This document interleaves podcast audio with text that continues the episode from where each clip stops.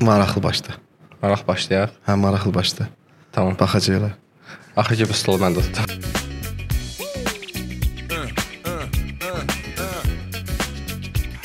Bir gün qabaqcadan danışdıq. Bu gün artıq çəkişə başlayırıq. Hətta adımızın seçimi də maraqlı oldu. 20-yə yaxın oturduq, ad seçdik və içindən çərçivə seçildi. 15 dəqiqə 15 ərzində. dəqiqə içində ki, hansı seçilə seçici 15 dəqiqə. Amma yaxşı içində. praktika idi, hə? Hə. Yəni tam bir agile oldu da adın seçimi. 15 dəqiqə vaxt verdi, istənilən qədər ad fikirləşdi. Adları bir-birimizlə qarşılaşdırdıq və sən mənimkiləri, mən səninkiləri pointlədik, qiymətləndirdik. Axırdan çox qiymət yığan adı seçdi. O ad nədir? Çərçivə. Mövzumuz çərçivədən kənar mövzular olacaq. Ümumi bu podkastımızda həm çərçivə, həm çərçivədən kənar mövzular, istəyər PO, istəyər satış, istəyər marketinq, daha çox biznes sahəsində İnnovasiya, innovasiyalar, biznes, biznes və sair mövzularda həm özümüz, həm də ki qonaqlarımızla bir yerdə bu çərçivədən kənara çıxacağıq. Bugünkü mövzumuz isə agile və mentalitetdir. Agile belə deyim də bizim əvvəl həyatımızda olan bir şey olub, yəni sonradan nəsə yaranan bir şey deyil bu. Sadəcə termin olaraq sonradan yaranıb. Dünyada ümumiyyətlə agile nə vaxt yarandı və bizim mentalitetə agile nə vaxt gəldi? 2000-ci ilin əvvəlləri idi, yarandı. Bizim ölkəyə səhv eləmirəmsə 2018-ci ildə gəldi Paşa Bank tərəfindən və ya Paşa Holding tərəfindən deyə bilərik və o gündən bu günə də daim inkişaf eləyir, daim puxtalaşır, daim dəyişir, hibridləşir, bazar üçün ə, daha uyğun vəziyyətə gətirilir. Aha. Belə bir şey deyim. Ə, Məsəl üçün ba- bazara gəlməsindən dedin ki, Paşa Holding və ki, Paşa Bank tərəfindən gəlib. Təkcə Agile yox, digər düşünürəm ki, innovasiyaların çoxusu da banklar tərəfindən gəlib. Bank sistemi tərəfindən gəlib bu normaldır. Çünki bank sistemi həm ən güclü çevikliyə sahib bir sektordur, həm də maddi olaraq daha aynen. dözümlüdür və oradan adaptasiya daha məqsəd yönümlüdür. Həm Daha də- uyğundur. Belə deyim də, pul oradan gəlir və ona investisiya etmək onlar üçün vacibdir. İstəyir təzə bir bank application çıxsın, insanların istifadəsi, yəni bankın qazancını 1-ə 5 artıracaq olan bir şeydir, amma digər sektorlarda bu o qədər də effektiv deyil. Baxır hansı sektorda, əgər hər sektorda misal üçün frameworkləri ilə həyata keçirmək bir o qədər də məqsəd yönümlü deyil. Onlar hansı sektorlardır? 2 vur 2 4. Yəni netdir hər şey. Misal üçün dərman sektoru, doktor sektoru, hərbi sektor, yəni bunlarda waterfall, yəni köhnə bizim bildiyimiz waterfall metodu daha məqsəd yönümlüdür. Çünki burada bir yarımçıq, çeviklik ya da ki bir adaptasiya söhbətləri yoxdur. Burada hər şey netdir. Hər, hər şey öz qaydasında. Hər gedir. şeyin öz qaydası var və onlarda agile fəlsəfəsi ilə, Scrum framework ilə və ya Kanban framework ilə işləmək bir o qədər məqsədi yönümlü deyil. Onsuz da bu çox bahalı bir iş prinsipidir. Kifayət qədər bahalı. Bəs bunu bahalı edən nədir? Çünki bu sahə deyir ki, məsəl üçün bir nəfərin gördüyü işi artıq 5 dənə PO görür, 5 dənə developer görür, 5 dənə UX/UI olmalıdır, 5 dənə BA olmalıdır, 5 dənə QA olmalıdır. Bu nə deməkdir? Bu sənin əmək haqqı büdcənin 5də 5 artmağı deməkdir. 5 qat artmağı deməkdir. Və bunun da qarşılığını sən ə, maddi olaraq profit, net profit olaraq verə bilməsən, yəni xaotik bir vəziyyət yaranar. Yəni çox düzgün hesablanıb addım atılası bir sahədir. Bəs yaxşı dedim bahalıdır. Bu təkcə bank sektoru deyil. Digər sektorlar da var burada. Azərbaycanda olsun, Baksel olsun, digər böyük şirkətlər. Amma sənə belə bir sualım olacaq. Səncə agile bizim mentalitetə uyğundur? Bu çox maraqlı bir sualdır. Azərsel Bakseldən əlavə mən sənə bilmədiyin bir sferanı da deyim. Bizim artıq nazirlik tabeliyində olan müəssisələrimiz də Yəni, çox yaxşı işlər görürlər. bəli Azin Telekom olsun, İddia olsun, digər e, rəqəmsal İnkişaf Nazirliyi, Yüksək Texnologiya Nazirliyinin artıq bu təşəbbüsü də özünü əks etdirir və müəyyən bir Hətta agile yox da innovativ innovativ, İnnovativ. və ən trend nədir bu dəqiqə? Süni zəkadır. Süni zəkanı belə yəni adamlar işə gətirirlər. Hansı ki bu gün böyük şirkətlərin belə gətirmədiyi şey artıq nazirliklər gətirib. Biz istəyirik ki, bütün nazirliklər bu proqresi davam etdirsin. Yəni təkcə texnologiya sahəsində deyil. Bu alqışa layiq bir təşəbbüsdür hesab edirəm. Əlavə olaraq da ki, bizim mentalitet və əcəl bu əslində çox gözəl bir e, mövzudur. Çünki bizim mentalitet biraz e, agile fəlsəfəsinə tərs gəlir və bu pis bir şey deyil əslində. Sadəcə bizim coğrafi nöqtəmiz, bizim mental dəyərlərimiz bir o qədər də çaxnaşmalara səbəb olur. Misal üçün bizdə PO-larımıza baxaq. PO-larımızın yaş ortalaması 23-30 aralığıdır. 23-30 aralığı deyək və çoxunluqda hətta 26-ya qədərdir deyə bilərəm də mən Hətta deyirəm ki, köhnə piyolan çoxsa developerlərdir. Yes, tamamilə razıyam. Və bu o deməkdir ki, mən e, 24-25 yaşında bir PO-ya böyük bir korporativ şirkətin ən əhəmiyyətli produktunu tək olaraq səlahiyyətləri tam ötürüb icra etməyini gözləyə bilmərəm. Çünki bizim mentalitetimiz elə bir dəyərə sahibdir ki, biraz ailə dəyəri daha çox üstünə qurulub. Yəni bizim gənclər universitetdə oxuduğu müddət və ondan sonrakı müddətdə real həyatı biraz tanımağa başlayır. Bu da nə deməkdir? Bəli, bəli, məsuliyyət almağa başlayır və onu hələ öyrənməmiş mən bütün səlahiyyətləri bir PO-ya, gənc PO-ya verməyim. Bir müəssisə olaraq düzgün bir yanaşma olmaz və ya orada çox faktor var. Bizdə yaş məsələləri də rol oynayır da. Eynən, eynən. Də yaşa keçməmişdən qabaq belə bir şey deyim. Və bir yaxşı söz var ki, bir insanı yetişdirmək istəyirsənsə, ona məsuliyyət ver. Məsuliyyətin qarşılığında adam başlayacaq yetişməyə. Və yaş faktoru var burada ki, 22, 23 və 20-li yaşlarda adam çox da ciddi bir məsuliyyətlə girməyib. Gəlib birdən-birə böyük bir produktun PO-su olmaq onun üçün çətin olar. Çətin olmaq deyəndə burada daha çox biznesin üstünə düşəcək olan çətinlikdir. Zaman gedir, zamanla bərabər maddiyyat gedir, resurs gedir, rəqiblərindən geri qalırsan. Əslində Yaşar sənin o ə, bayaq da danışanda dedi, o məsələ var. Bizdə bir söz var, deyir, ağıl Yaşda deyil, başladı. Əslində mən ondan bir o qədər razı deyiləm. Yəni çərçivədən kənara çıxaq. Ağıl yaşda deyil, başdadır. Ağıl başda da deyil, təcrübədədir. İşlədiyin sahə üzrə sırf təcrübədədir, experience-ındadır. Amma belə baxanda yenə bizim ölkəyə şamil eləsək o sözü, doğrudan ağıl yaşdadır. Çünki yaşı çox olanın təcrübəsi də çoxdur. Amma bunu yaşa bağlamıram. Mən sırf experience-ə bağlaya bilərəm ki, elə adam ola bilər ki, yaşı çox ola bilər, amma bu sahədə yeni ola bilər. Elə kadr ola bilər ki, bu sahədə 5 il təcrübəsi var, yaşı 26-dır, 27. Amma bunu mən o burada səninlə beləyimdə razılaşmıram. Çünki belə deyim, biraz insanın insana görə dəyişən bir şeydir. Təbii, ki, təbii ki. Adam var, 30-40 yaşı var, ömür boyu bir iş yerində işləyib, bir pozisiyada işləyib, hər gün gəlib saat 9-dan 6-ya demək olar ki, rutin tasklar yerinə yetirir və bu adamın inkişafının yetişməyini açıq gözləmirəm. Amma kadrda var, 25 yaşı var, indiyə kimi 5 dənə iş yerində işləyib, üzü-üzlər görüb və problemlər görüb, problemləri həll eləyə böyüyüb. Yəni mən məsəl üçün özümdən deyim, Getdim banka kredit götürməyə. Kreditdə məndə problem yaratdılar ki, sənin 23 yaşın var, necə öz işini qurmusan, necə dövrəyə gəlib çatmısan, Görsən mental mental olaraq Mental yəni ki, olaraq inandırıcı bir şey deyil. Sən 23 yaşın var və öz şirkətini qurmusan. Yəni kimisə homeschool deyəndə deyir ki, sənin sənindir, ortağın var, ya belə özün tək qurmusan papaşotla.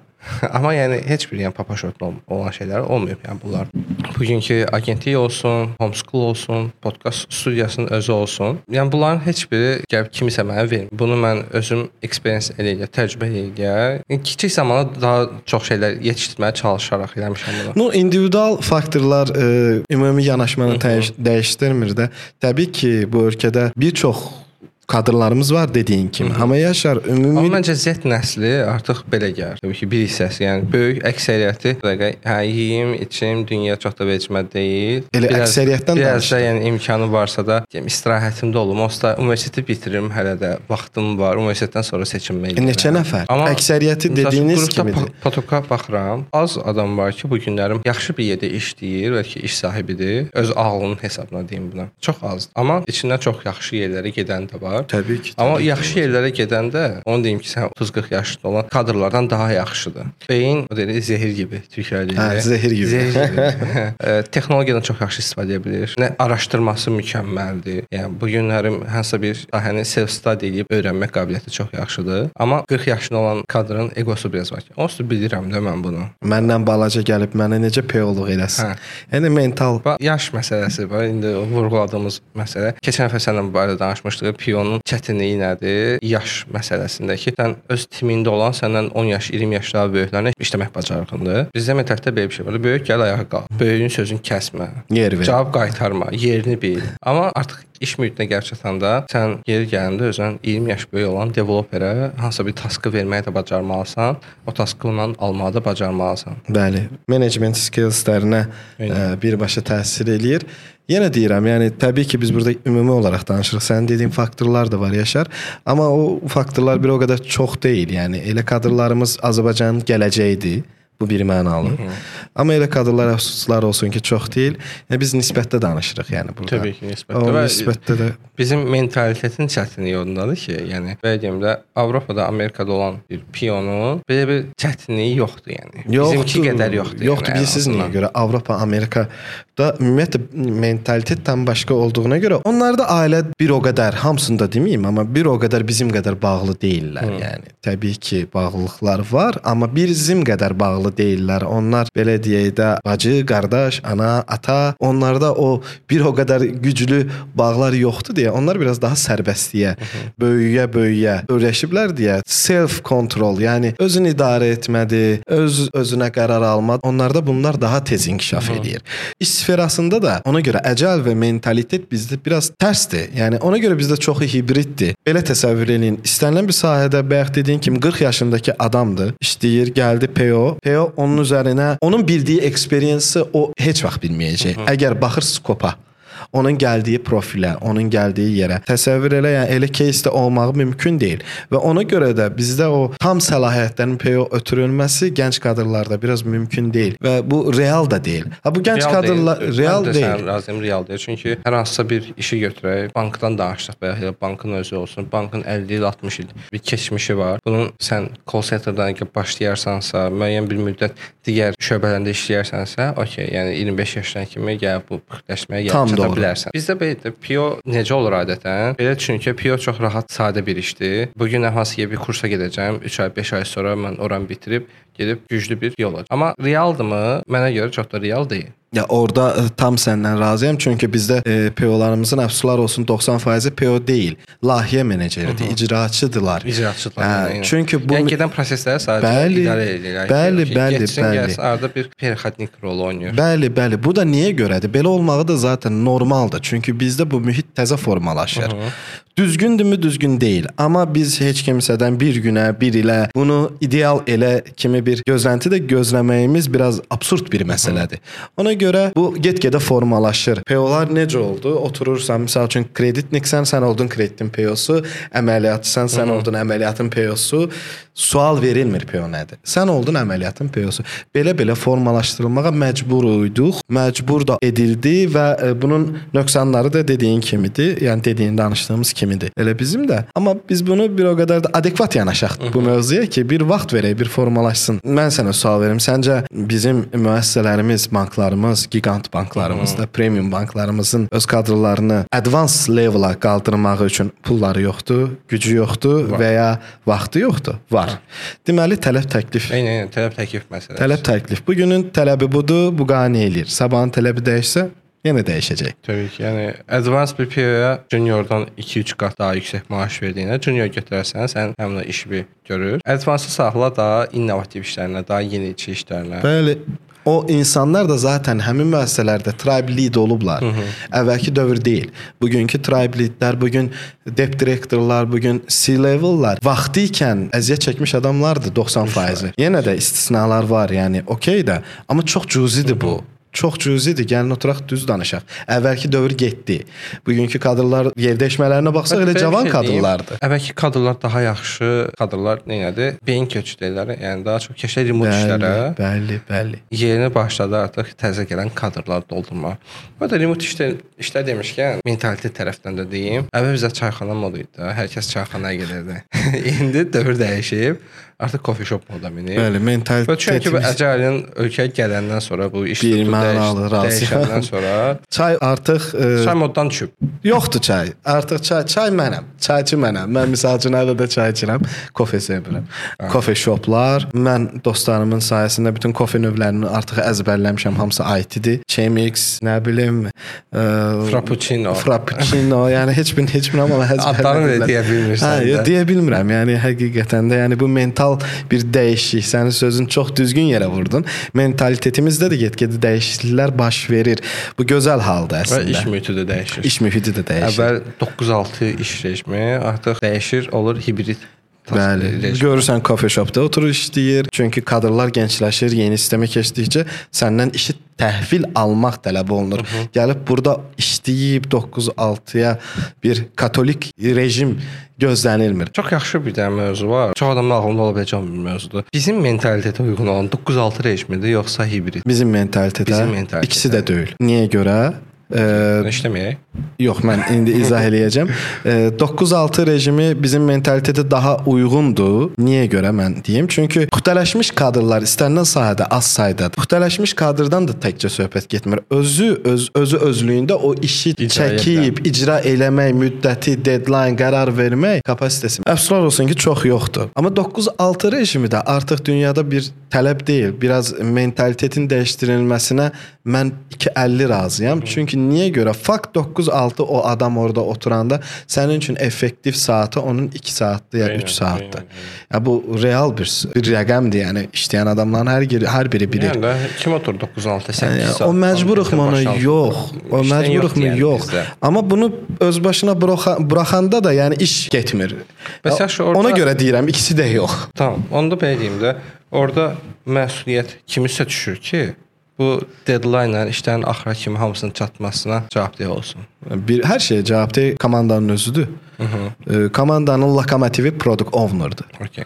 Yəni belə deyək. Sadəcə bizim mentalitetdə çox şey dəyişir. Məsəl üçün təsəvvür elə Scrum framework-ı ilə işləyirlər çoxu da. Yəni sən bizim mentalitetdə bir onun yan təsirlərinə bax. Əmək haqqı bazarı dəyişdi. Artıq övladlar at valideynlərindən daha çox pul qazanmağa Eynən, başlayır. eynən. Yəni valideynlər hamısı Artıq daha çox dollarla qazanmağa Bəli, dollarla qazanmağa başlayır və təsəvvür elə bu belə bir situasiya hər gün durursan, ana, ata 15 dəqiqəlik gəlin deyə səhər yeməyinə nə bişirmisən?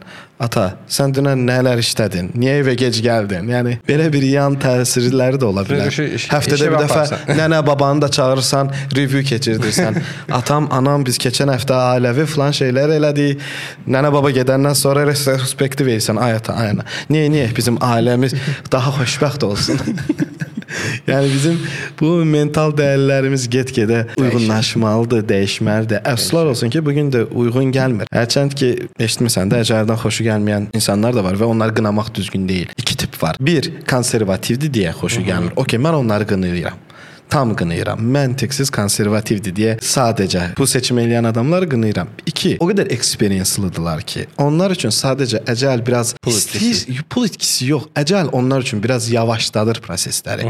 Nə qədər adı çevik tərcüməsi olsa da, bizdə high level adamlar, yəni IT, idarəetmə adamları əcəl olmayanda, məsəl üçün Bank of Bakının o köhnə vaxtları var idi, Unibankın köhnə vaxtları var idi, Rabitə Bankın özü bu gün, yəni inanılmaz çevikdilər. Əcəldandır deyə bilərəm ki, rahat şəkildə, daha sürətli idi və onları müəyyən bir sistemə otuzdurmaq, framework-a otuzdurmaq onlara biraz daha çətindir. Çünki onlar üçün yeniləyici bir şey deyil. Bu onların yeni işlədiyi müəssisə üçün yeniləyici bir şeydir. O adamlar biraz həll yönümlü olur. Onlara görə biraz həm yavaşdadır da deyim, deyə bilərəm əslində. Həm də Çünki ki benim də bax Kanban metoduna gəlir. Günlük sənə task Yes. günlük olaraq problemləri həll edirsən. Amma indi məsələn bir problem həlli 2 həftə çəkir. Bəli, bəli. Səhv oldu, növbəti 2 də həftə. Bəli. Bəli. Amma bu mühiti də yaşar, formalaşdırmaq üçün. Bu dediyim adamlar çox individual adamlardır. Çox az saydadır. Yəni bu da istisnalar türklər demiş, qaydaları pozmur. Yəni ona görə qalırıq yenə öz aspektimizdə, öz fikrimizdə. Bəs yaxşı səncə bizim mentalitetə uyğun olan idarəetmə metodu nədir? Bizim mentalitetə uyğun ən yaxını kanban olar. Mən hesab edirəm ki, Kanban biraz yaxın olar ki, sətr altı adını Kanban olduğunu bilməyərək də onsuz da bu gün belə işləyənlər var. Hə, yəni bu dəqiqə idarəçilərin çoxusu, müəssisələrin çoxusu Kanban üçün Fərqində adın, deyil. adın Kanban olduğunu belə bilmirlər. Çünki adamlar hədəf yönümlüdür, dəyər yönümlüdür. Ona görə onların adı biraz dəyişir. Bəs Yaşar sən necə fikirləşirsən? Səncə Agile hər hansısa bir komandanı yavaşlada bilər? Yavaşlada bilərmi deyəndə məncə yox. Çünki götürsək ki, Agile-in hibrid rejim dedik bayaq. Biz onu 2 həftə yox, 1 həftə deyə bilərik. Yəni, uyğunlaşdıra bilərik. Çünki Agile-da belə bir şey var ki, qayda belədir. Amma onu öz işinə uyğunlaşdır. Yəni əsas odur ki, yəni bizdə bəzən belə çox qaydalarla gedirlər. Hər şey çox belə dəqiq olmalıdır. Necə yazılıbsa elə olmalıdır, amma elə deyil əslində. Yəni əsas odur ki, sən onun məntiqini tutasan ki, Agile əslində sənin limitləmir. Əslində sənin limitlərini qırmağa kömək edir ki, əgər sənin işinə uyğundursa bu, bunu 2 həftəlik yox, 1 həftəlik sprintlərə böl. Bölə bilməzsənmi? Bölə bilərsən. Yəni əsas məqsəd nədir? Deyək kör nə istəyir ki, göz. Əsas odur ki, işin getsin. Sənin elə bir məcburiyyətin yoxdur ki, mütləq Kanban götürəsən, ya Agile götürəsən, ya waterfall fərqi yoxdur da. Əsas odur ki, sənin işin getsin, müştəri vaxtında işini təhvil verəsən və bunu təkcə bank application, digər şeylər yoxdur, yəni digər sektorlarda yəni e, tətbiq eləmək olar məncə. Çünki məsəl üçün bizdə marketinq agentliyi idi. Agentlikdə bizdə nə olur? Tasklar daha çox günlük, həftəlik gəlir. Aylıq da olur təbii ki. Aylıq bir post plan çıxardırsan, amma ondan sonra artıq gəlir nə özəl bir gün oldu və yaxud da ki, spontan nəsə bir iş çıxdı ortaya. Artıq sən burada desən ki, yox, gözlə mən 1 ay sonra və ya ki, 2 həftə sonra növbəti post planda bunu deyərsən, demək olmur. Yəni bunu deyəməzsən müştəriyə. Çünki oja burada gəlir artıq müştəri məmnuniyyətsizdir. İşin getməyi üçün həmin o qaydaları çeynəməyi də bacarmalısan. Qaydaları nə vaxt poza bilərsən? Qaydaları düzgün biləndə və artıq sən orada master olmalısan ki, o işdəki qaydaları harda, necə düzgün kəsə biləsən. Mənə görə yəni də əcəl çevik idi və olduğun situasiyaya, olduğun ana tez bir şəkildə həll yol Uyğunlaşmaq. tapmaq, yol tapıb uyğunlaşmaqdır. Hə, əgər uyğunlaşa biləcəksənsə bazarda qalacaqsan. Ya uyğunlaşa bilməyəcəksənsə bazarda da qalmayacaqsan. Bu qatar gedir. Mindi sən də min- gedir. Mindirsən sən də. Minməsən də gedir. Minməsən getdi. Yəni sən heç kim gözləməyəcək bu bazarda. Günümüzdə gedir daha çox kapitalizmə. Kapitalizm Azərbaycanda biraz vəhşiləşir get-gedə. Artıq daha güclü olan daha zəifi başlayır basmağa. Haqq verirəm, mən haqq verirəm. Yəni mən kapitalistçiyəm. Dibinə kimi kapitalistçiyəm. Mənə görə elə də olmalıdır. Yəni bu günlər sən də bir şirkətin olar, mən də bir şirkətim olar. Müştəriyə eyni xidməti verərik. Mən yaxşı vermərəmmi, sən verərsən. Sənin haqqındır ki, sən vaxtında əsə çəkmisən, investisiya eləmisən, yatırımını eləmə, eləmisən, daha yaxşı bir xidmət verirsən, müştəri səni seçir. Artıq yanaşma da dəyişir. Artıq müdir dəyişir. Şirkəti quran onun müdiri olmur. Onun müştərisi artıq onun müdiri olur. Roadmap-i verən də odur. Product owner-da da klientlərin belə deyək də feedbackləri ilə daha çox işləri yönləndirir ki, hazır sənə nə lazımdır? Mənə nə istəyirsən, sənə onu verim. Önəmli deyil. Rəhbərin fikri ki, biz müştəriyə bunu verək. Müştəri artıq səndən nəsə bir şey istəyir. Sən bazarın yönümlü. uyğun ona müştəri yönümlü nəsə bir şeylər verməyə çalışırsan. İnsanlar çoxsu belə deyim də biznesin mindsetini tam tutmurlar. Yəni biznesin məqsədi nədir? Biznesin açılışı pul qazanmaq üçün olan əmək fəaliyyəti deməkdir. Əmək fəaliyyətinin sonunda əgər sən prosto xərclər yığırsan, yığırsan, yığırsan, çox qəşəng bir də application düzəldəcəm, möhtəşəm bir məhsul düzəldəcəm, amma heç kimə lazım olmayan bir məhsuldur. Bizdə UX-UI-də belə var. Tonlarla pul tökürlər UX-UI-yə. Bəlkə sənin application üçün UX-ə ehtiyac yoxdur. Çox bəsit bir interfeysdən də onu eləyə bilərsən. Leobank nədir? Çox qəşəng bir UX-UI düzəltdi. Bəsit, sadə, funksiyaları və wow-dumu bir bankdan daha az funksiyalar var, amma insanlar tərəfindən çox sevilir. Çünki müştərinin nə istədiyini bildi. Komfort. Bu dəqiqə getsən göyərti satana və ki bir taksi sürücüsünə sənə deyəcək kart Leo kart. Çünki bəsitdir. Hər kəsin o deyir elin dilindəndir. Bizim tam mentalitetə uyğun bir Düzgün nöqtəyə atış elədi. Hə, düzgün nöqtəyə bir atış elədi və o bazarı yığdı əlinə. Tamamilə razıyam. Sən əgər məqsədin prosto cool olsun, yəni xariclərdə belədir, onu gətirin bura. İminləgə xaricdəkini bura gətirsən, uymayacaq. Təbii ki. Adi məsəl Mental dəyərlər- götürək, franchising götürək. Amerikada şaurma deyə bir anlayış varmı? Yoxdur. Yoxdur. Avropaya getsən şaurma ə, burger, şaurma burger nədir? Mən cheeseburger yemək istəyirəm, amma bizdə gedib şaurma burgeri yeyirik. O xarici brend gəldi Azərbaycana uyğunlaşdı. Əcəldə mənə görə elə Avropanın düşüncəsinə görə bir başqadır, Rusiyadakına görə bir başqadır, Amerikadakına görə bir başqadır. Amma biz postsovet ölkələri və türk dövlətləri düşüncə tərzimiz biraz daha fərqlidir və bizə uyğunlaşıbdı. Hazır mənə görə ən ideal variantındadır hal-hazırki günümüzə görə. Mən də səndən tam razıyam. Demək olar ki, bütün yanaşmadan mənim sadəcə bir ifim var.